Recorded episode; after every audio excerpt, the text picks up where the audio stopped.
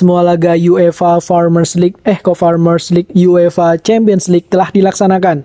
Tak disangka-sangka dua kuda hitam berhasil mengalahkan lawan-lawan beratnya di perempat final.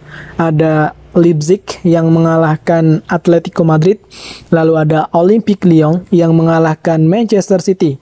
Akankah kedua kuda hitam ini meneruskan mimpinya dan bermain di final yang akan berlangsung di kota Lisbon? Kita simak ulasan lengkapnya di podcast ngobrolin bola berikut ini.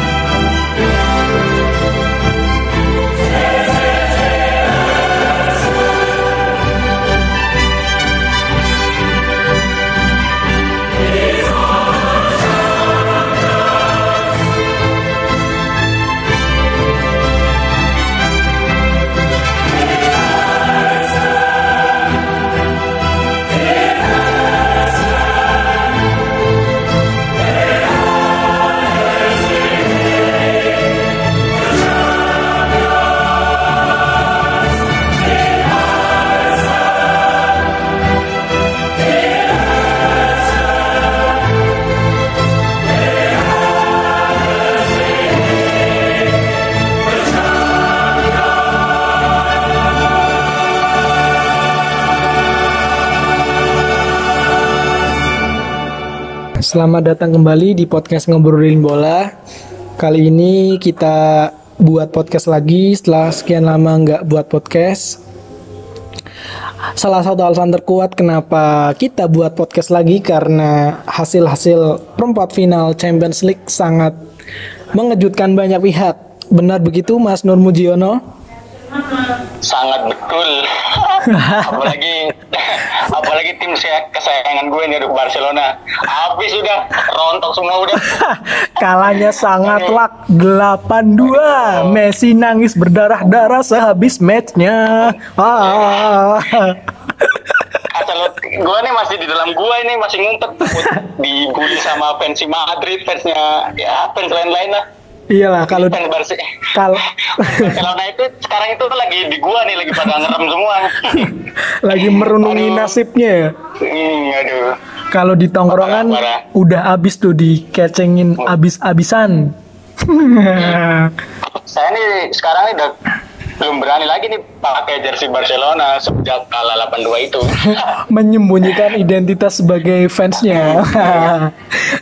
takutnya, eh, takutnya, takutnya disuruh dicopot tuh jersey-nya ntar telanjang lagi jalan itu. iya, ngapain dipakai?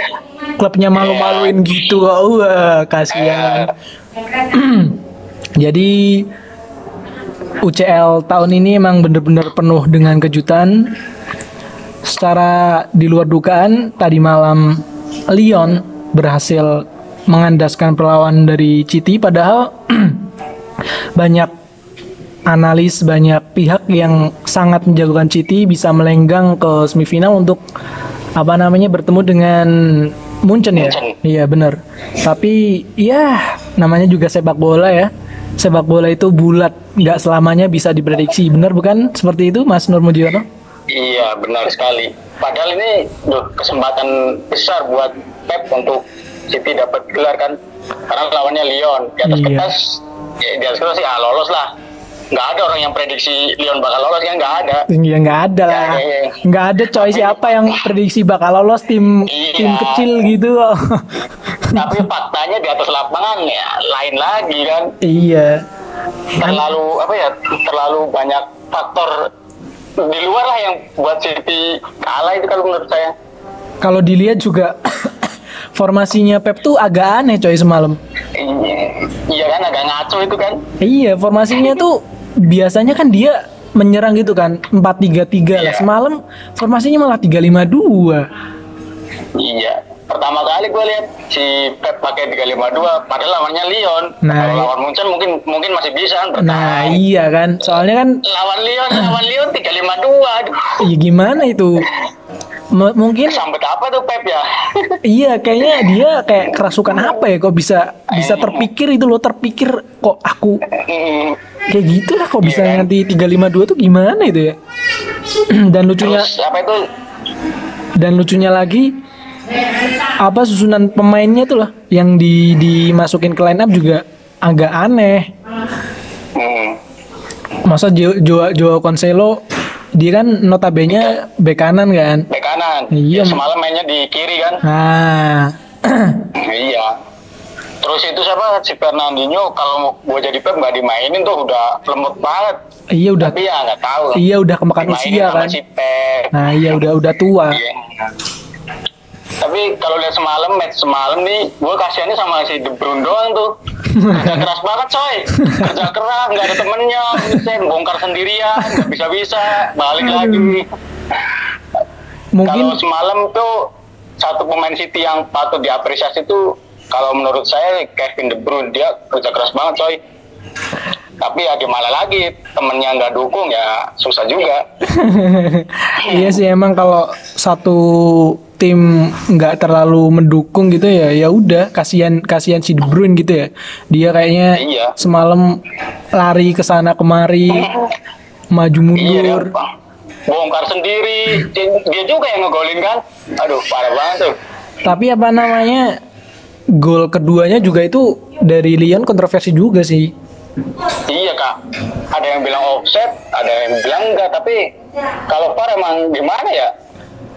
emang VAR tuh iya iya ya. emang emang VAR tuh kadang kadang malah membuat keputusannya itu kontroversi harusnya kan apa tujuan diadakannya VAR kan biar memperjelas gitu kan ini kalau ya ya Iya. pelanggaran ya pelanggaran kalau kalau misal gol ya gol nggak gol ya gol nah ini adanya VAR malah membuat keputusan itu malah kontroversi kan lucu kan? Malah melenceng dari tujuan tujuannya dibuat VAR malah melenceng.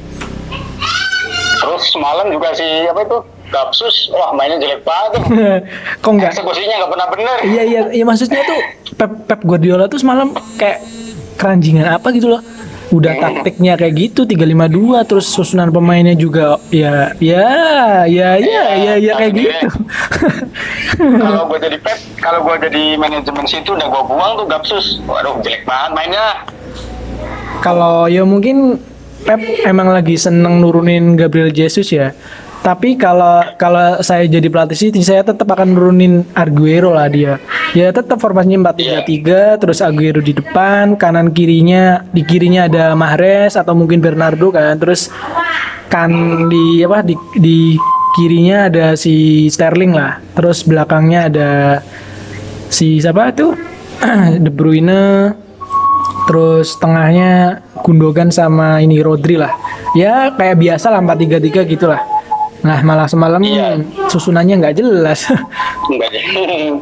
ya emang udah garisnya kalah kali ya, ada-ada aja. iya. Padahal kan ini kan maksudnya kesempatan besar banget gitu loh. Nggak nggak nggak biasanya City dapat undian perempat final yang yang tanda kutip nggak Enteng lah. ya enteng lah. Enteng kan? Harusnya tahun ini Tapi- bisa lah ke semifinal.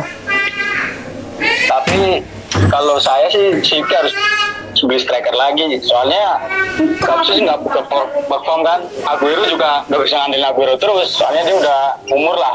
Sering Iya. cedera, sering apalah. Itu harus punya striker lagi itu si, si, Man City. Kalau ingin bersaing untuk musim depan. Iya benar benar benar. Terus Tapi juga semalam tuh momen kuncinya itu pas itu tuh. Sterling dapat peluang mateng banget tuh. Nah. Jadi gol malah ke atas. Nah, kalau- Kalau gol, aduh lain cerita itu. Iya, rame. kalau misal Sterling bisa manfaatkan posisi itu, peluang itu, ya mungkin bisa mengubah cerita. Mungkin yang lolos bisa aja City. Soalnya kan waktu itu kan posisi 2-1 kan. Kalau misal Iya, iya, gol iya. 2-2 pasti City tambah semangat. Nah iya, itu udah nggak gol, malah kebobolan lagi. Blunder ya si kipernya ya, Ederson ya. iya, jarang-jarang Ederson. Padahal bola enteng lah. Iya iya. Tapi oh, lep- bisa lepas gitu ya. Iya, emang itu, Mu- takdir- takdirnya kalah. Iya mungkin Lyon dukunnya kuat banget ini pakai dukun kayaknya Lyon. Iya di orang Sterling di depan di depan nggak Hmm. gol. Aduh, kacau kacau. nah, Terus ke, apa namanya setelah pasca laga ini si punggawa PSG Mbappe itu bikin tweet di Twitter katanya apa namanya ya intinya dia ngecengin para netizen lah yang katanya Liga Prancis itu Liga Petani lah gitu-gitu. Banyak banget tuh responnya. ya Liga Petani soalnya yang panen PSG mulu kan Soalnya ya kurang kompetitif lah. Kenapa disebut Liga Petani karena ya bintang yang main di liganya sedikit dan ya dimanipulasi oleh PSG ya yang tim gedenya tuh nggak ada lah kalau dibilang bisa kayak gitu. Dan di Jerman juga kan ya cuma berapa sih pemain bintang yang main di Jerman? Kan paling ya ngumpul di Dortmund, ngumpul di Munchen. Munchen ya. Gak sekompetitif Premier League lah. Hmm, iya. Jadi pas kemar semalam abis City sama Lyon tuh bener-bener di Twitter bergeming tuh trending. Far farmer farmer league farmer league gitu. Premier League. Yang penuh kontroversi. Tapi yo emang tahun ini banyak kejutan banget sih dibanding tahun-tahun sebelumnya.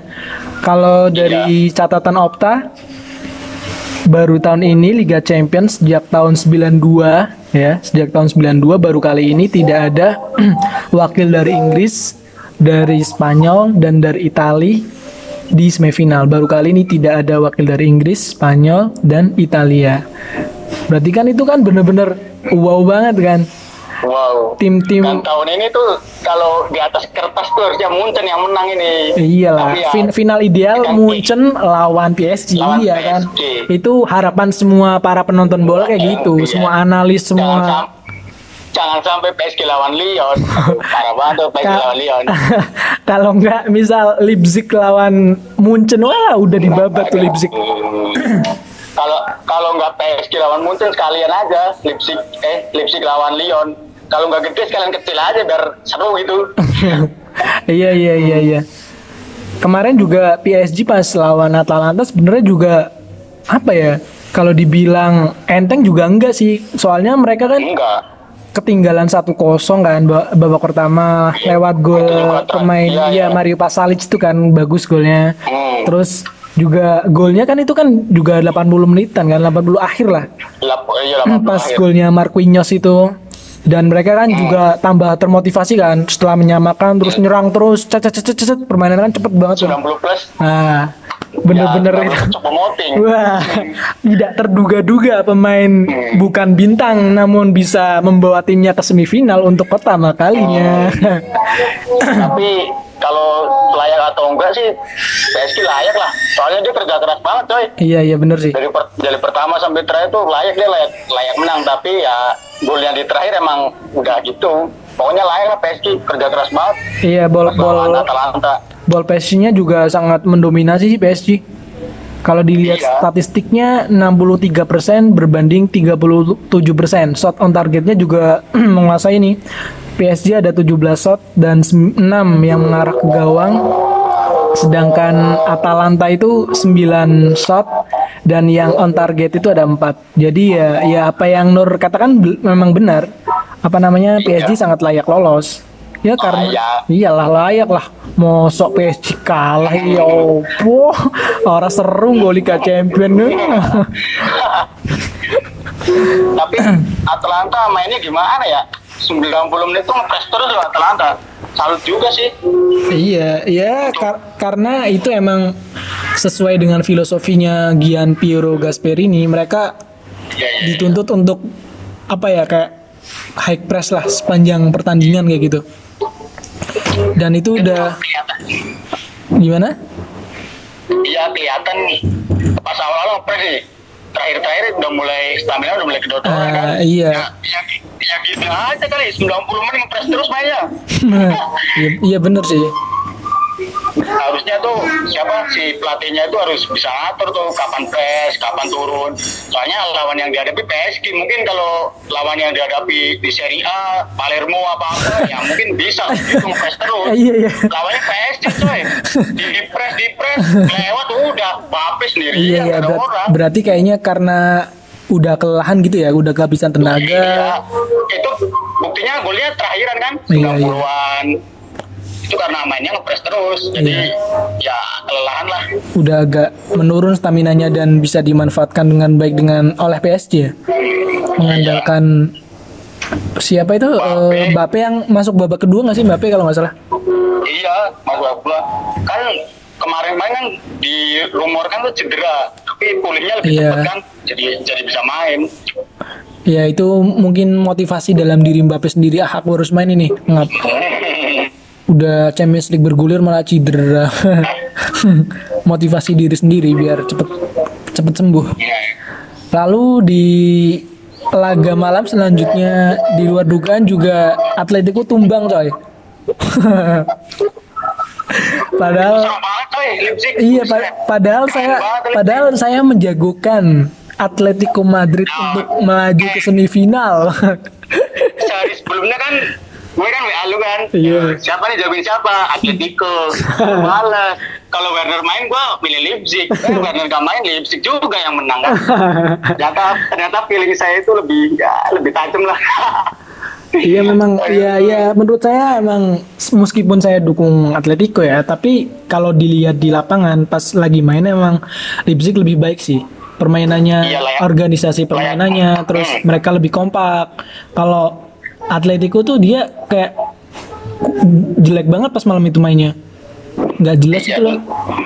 Permainannya Banyak lolos ju- lah, Leipzig iya, iya intinya per- lah. permainannya juga mentok gitu loh. Depannya kurang kurang greget lah, kurang finishingnya kurang. Leipzig itu aduh mainnya gimana ya cepet pokoknya sirkulasi bolanya itu cepet banget ngalirnya sampai Atletico itu ngepres terus nggak dapet dapet kan. Jadi turun ke bawah. Saya di press itu nggak dapet dapet. Sirkulasinya cepet. Salah satu yang membuat mata para pecinta bola terkesima itu penampilan Dayat Upamecano. Setuju nggak? wah setuju banget tuh. Top lah. Tuh dihargai 80 juta pantas itu. Wah, iyalah. Hmm. 80 Tuh, harus juta. diincer tuh diincer siapa lah Arsenal, Arsenal tapi nggak punya nggak Arsenal iya nggak punya uang tapi. Aduh. iya bener sekali nggak punya uang Arsenal. masalahnya emang kayak gitu. Iya, harus- Kalau nggak minta sumbangan dah, minta sumbangan ke sana buat buat beli upah mekano. Tapi selain Upamecano juga lini tengahnya cukup solid sih menurutku. Cukup lah, bagus, bagus. Aku Akurasi umpannya juga. Ah, akurasi umpannya juga juga bagus lah.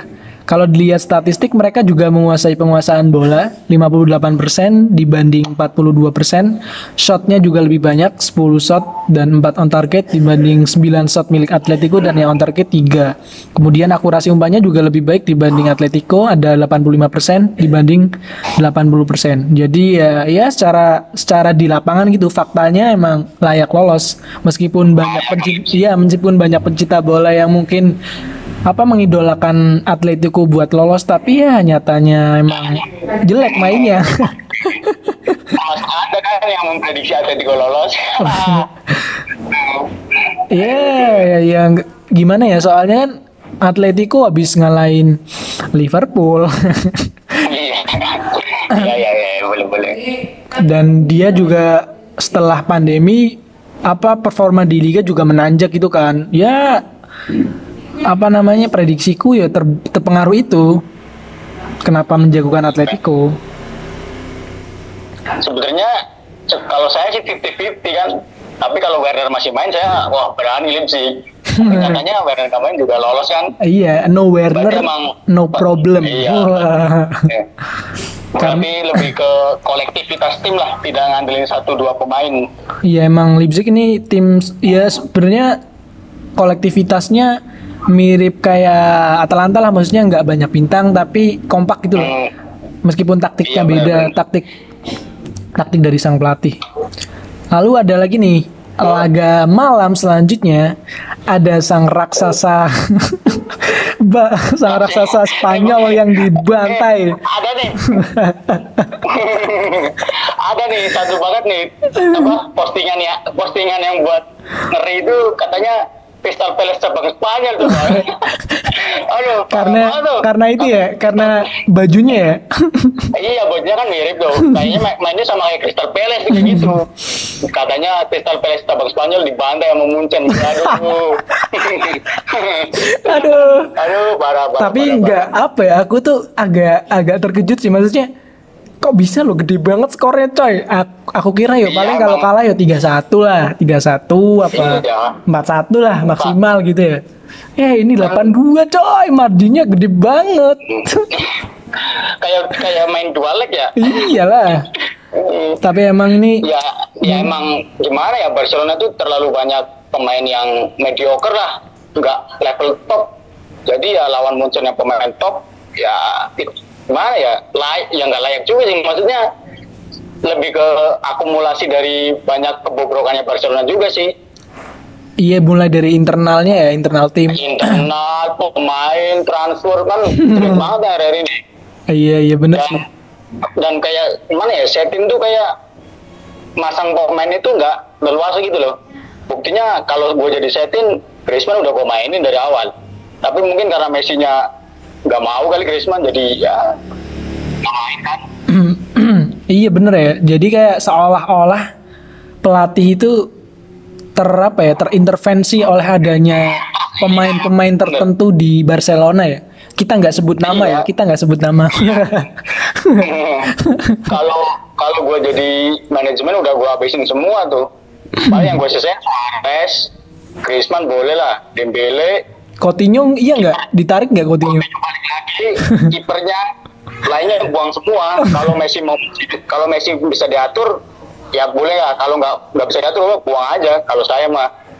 Nah ada ada ada apa namanya? Ada cerita menarik nih setelah Barca dibantai Barcelona eh Barca dibantai Munchen itu backnya back senior mereka Gerard Pique itu bikin tweet. Katanya ini itu bukan sekali dua kali seperti ini. Ini emang udah berkali-kali terjadi di Barca. Ini kayak akumulasi bener. Apa Iya, kata akumulasi Om Mujiono, dari- akumulasi dari iya, bener. berbagai masalah yang ada. Dan saya menginginkan perubahan yang besar gitu loh. Kalau kalau kalau Bener, bener. manajemen mau saya yang pertama angkat kaki dari Camp Nou. Jadi dia itu pengen bener-bener apa ya Barca itu kembalilah ke masa jayanya gitu. Karena dia kan ya Iya, mungkin iya, udah iya. sadar lah ya udah sadar bagus lah. Pemain macam ini bagus untuk untuk Iya. kebaikan Barca ke depan. Intinya intinya harus direvolusi besar-besaran lah. Rombak total pokoknya kalau mau bersaing lagi. Ya minimal kayak 10 tahun ke belakang lah. Yang masih ada Xavi, Iniesta. Terlalu banyak pemain yang ini yang mediocre lah udah habis lah Vidal aduh Vidal dibeli boy Braithwaite dibeli aduh mana ya? dan pemain-pemain gede yang dibeli dengan harga mahal tuh tidak di apa dioptimalkan di tim. Nah, iya iya gitu Coutinho Banyak pemain 150 badir. juta dibuang-buang. Di- dibuang, Griezmann jarang dimainin. iya aduh parah banget ya aduh Dembele yo, iya karena cedera sih, iya sering cedera. cedera. Mm-mm. Ya emang emang nasibnya Barca mungkin ini hasil yang yang menjadi berkah mungkin ya, meskipun menyakitkan tapi berkah biar manajemen dan semua semua interim yang ada di Barca itu sadar. Ini loh, iya iya iya kalau nggak dirombak ini udah nggak jamin lah musim depan ngangkat piala nggak jamin soalnya itu harus dirombak besar-besaran. Dan pada saat laga itu Messi itu pas diserang balik itu cuma jalan doang loh. iya Dia iya. Nggak mau kerja gimana ya? Seolah-olah itu dia itu kayak dewanya itu dewanya di Barcelona pokoknya. Kayak pemain kayak pemain kelas gitulah nggak mau nggak mau ikut turun. Lihat pas pas bertahan kan Lewandowski turun Muller turun. Iyalah, kan ini kan tim. Sepak bola itu per Barcelona, itu terlalu banyak masalah kayak gitu coy. Masalah yang nggak penting banget. Terlalu ego lah egois. Nah, iya emang harus berbenah lah. Apalagi Saya pem- sebagai iya kan? pemain pinjaman mereka yang dipinjamkan ke Munchen cetak dua Iya. gol dan satu assist. Padahal main cuma ya tujuh masuk 75 menit ya? di 75 itu masuk di menit 75. Dua gol satu assist. Iya. Itu kan menunjukkan iyalah maksudnya cuma main berapa menit aja bikin dua gol satu Iya. assist. Kalau misal diberikan kesempatan di Barca kan juga ya pasti akan lebih bagus kan. iya Beli mahal-mahal cuma dibuang-buang. Sayang Unggul buat ngegolin ngegolin ke gawangnya sendiri. lah itu Kemblung. Aduh parah parah. Ya, Aduh, saya aduh. sebagai ini sebagai penggemar Messi juga kalau Messi masih kayak gitu mending buang aja lah, nggak kepake percuma. Buat apa pemain bintang tapi nggak bisa Eh, diatur iya kan? attitude-nya buruk ya jelek ya Iyalah. Lihat tuh Cristiano Ronaldo, dia di mana pun juga mau ngikutin pelatihnya coy. iyalah ngikutin sistem lah gitu ya jangan Iya, semaunya iya. sendiri lah Ja, iya mentang-mentang udah puluhan tahun di Barca, pelatihnya baru, nggak mau diatur. Ah, payah. buang aja ke laut ya? Uang kal- ya, ya itu ditawarin dulu. Kalau misal mau ngikutin sistem boleh bertahan. Kalau nggak mau ya udah lepas aja. Ganti yang baru yang lebih banyak kan. Iya yang lebih muda. Cari the next Messi Ansu Fati ada. Boleh itu dicoba. Iya sih bener sih. Emang harus iyalah. Bener-bener introspeksi Eh, dari iyalah. Barcelona ini. Ah, Barcelona Barcelona. Padahal secara statistik Barcelona itu posisinya menang loh. Wah, Barcelona mah jarang coy. Main nggak menang possession possession possession doang. Sekali terangkul Iya. rapuh. Tapi aduh. kalau dilihat dari apa namanya efektivitas apa namanya Munchen ini sangat jauh dibanding Barca dia itu shotnya meskipun kalah penguasaan bola shotnya itu 26 yang Iya, on target itu- 14 termasuknya beruntung itu Barcelona cuman kebobolan 8 harusnya tuh 12 kali 16 kali tuh. Soalnya backnya sering salah umpan di belakang Lewandowski sendirian untung nggak gol aduh. Nangis gua kalau lawan Munchen bener. Katanya Mas katanya Mas Nur Mujiono ini nonton cuma 30 menit ya? Iya 41 udah gua udah gua matiin TV-nya matiin. Nonton lagi udah 90 plus 90 plus udah 82 ah. auto auto menangis berdarah-darah ya? Parah parah. Dan pada coy. Ya itu emang perkiraan para pecinta juga gitu. Tapi dengan skor yang sangat mencolok itu mengagetkan gitu loh Ya ya.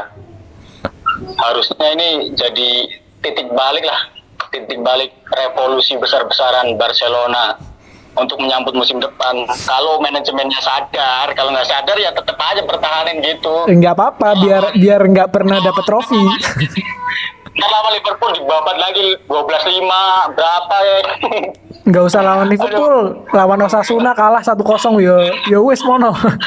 Degradasi iso-iso lo Harus bos. Presidennya Bartomeu tuh kepala batu itu Bartomeu. Aduh, Banyak skandal juga nggak sih Bartomeu? Sewa-sewa Iya, buzzer dan segala macam buat memperbaiki reputasinya di depan publik. Iya, pas, pemilihan presiden klub kan dia itu kayak gitu gosip-gosipnya gitu. Harusnya ya harus bersih-bersih manajemen juga sih. Iya iya iya. Hmm. terus untuk prediksi semifinal gimana nih? Siapa yang layak lolos? Saya Untuk- sudah sudah sangat jelas. Kalau saya sudah sangat jelas nggak usah ditanya lagi. Finalnya itu PSG lawan Munchen itu final sangat ideal karena kedua tim sama-sama pemain bintang dan permainannya menyerang cepat sangat menghibur lah pokoknya itu final ideal semua orang lah. Kalau nggak kayak gitu mendingan sekalian aja ya Leipzig lawan Lyon Iyalah biar bingung semua kecil-kecil semua lah. Eh, Kalau misal Terus? salah satu jomplang, nah itu akan menjadi Iya. final yang membosankan lah. Tim kecil lawan tim besar. iya terus untuk semisal nih PSG ketemu Munchen di final yang layak jadi juara siapa Yo, Bayern Munchen lah. Karena Munchen ya. mereka musim ini emang lagi bagus banget kan. Produktivitasnya apa namanya? Produktivitas golnya bagus, kemudian manajemennya juga nggak ada konflik gitu-gitu. Ya mungkin pas Iya, ya. pas pertengahan awal musim itu pas Niko Kovac dipecat emang ada sedikit konflik gitu kan. Nah, setelah perubahan pelatih dari Niko Kovac ke Hans Dieter Flick Oke, Flick. Flick ya kondisi tim ini mulai mulai naik nih, mulai stabil stabil ya. Muller ini, Muller contohnya aja satu pemain, Muller sebelum sebelum Kovac dipecat itu cuma bikin 4 gol. Dan asisnya tuh dikit nggak ada 10. Kalau seingat saya dan setelah Hans Dieter Flick ini naik jabatan dari asisten ke pelatih, performanya itu meningkat sangat luar biasa menjadi menjadi 26 assist coy. Gila banget Muller. Kemarin pas lawan Barca aja uh performanya keren toh. Muller luar biasa tuh dia golnya Muller yang pertama udah gua matiin tuh udah satu 30 menit. Main Aduh, untung aku temen, temen saya nih yang yang saya yang sama-sama nonton Iya, saya kan nonton sama temen nih. Temen saya tuh fansnya Real Madrid itu seneng banget. Selesai nih tonton. Gitu. auto lah, auto Oh, kegirangan, tiba-tiba. auto kegirangan dia. Ya, ya iyalah.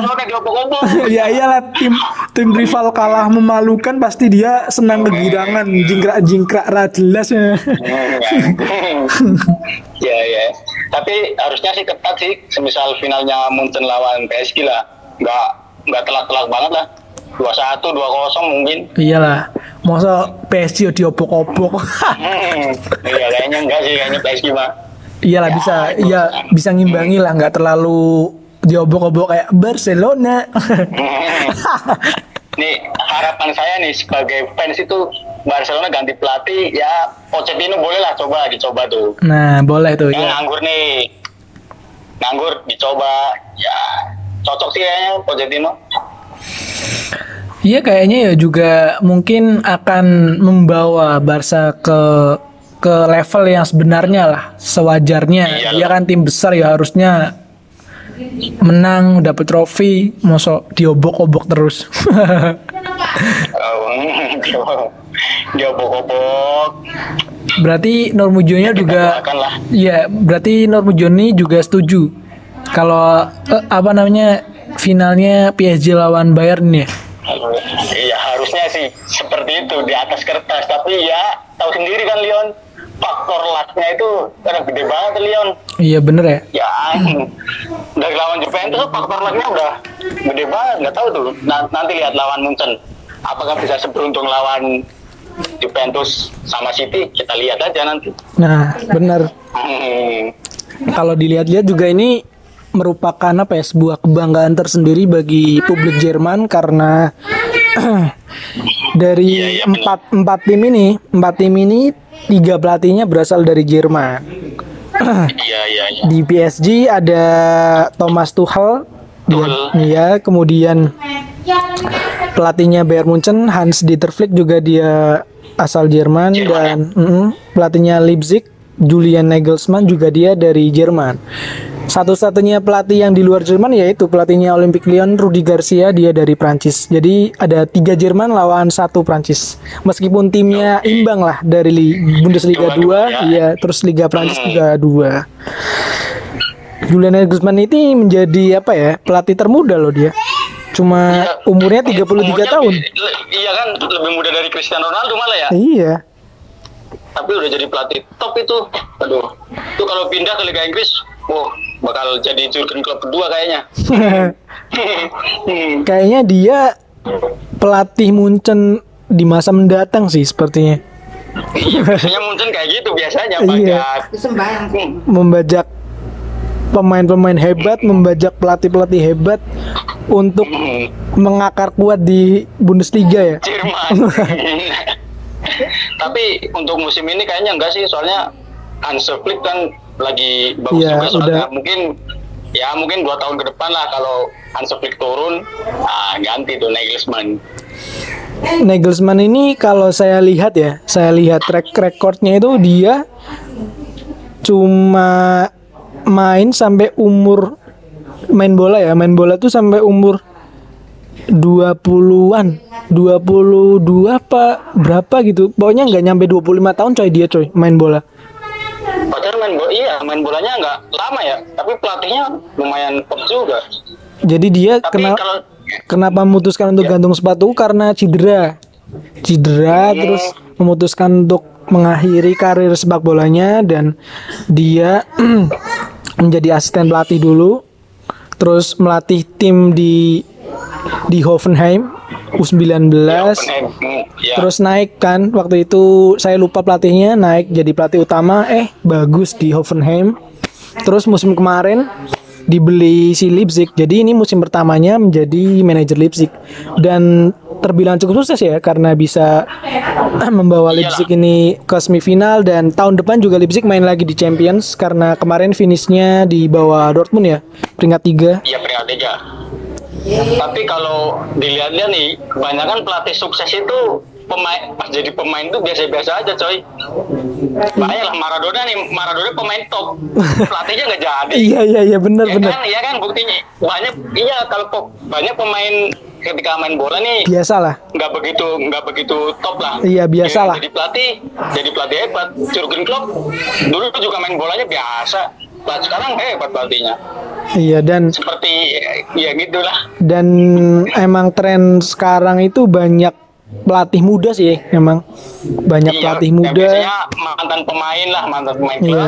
Jadi kayak contohnya kemarin baru aja tuh Juventus memecat Sari Pirlo. dan mengangkat Andrea Pirlo emang trennya di sepak bola Eropa itu pelatih-pelatih muda sekarang menjadi manajer lah menjadi pelatih di tim-tim gede mungkin ya, mungkin alasan utama nih manajemen nunjuk pelatih muda yang berasal dari klub tersebut tuh mungkin karena dia udah lebih paham lah mengenai klub tersebut.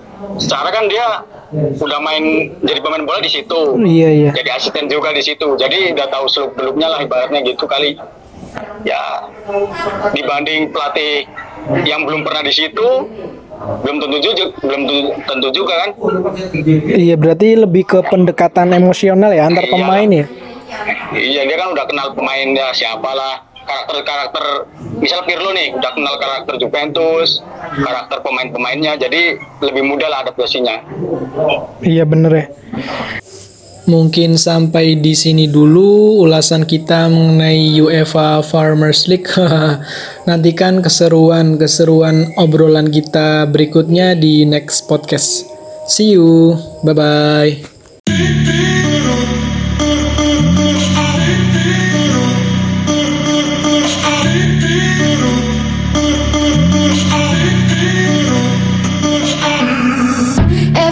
You said my name, I will never be the same. Can't believe what I became when you got into my brain. I know I should stay away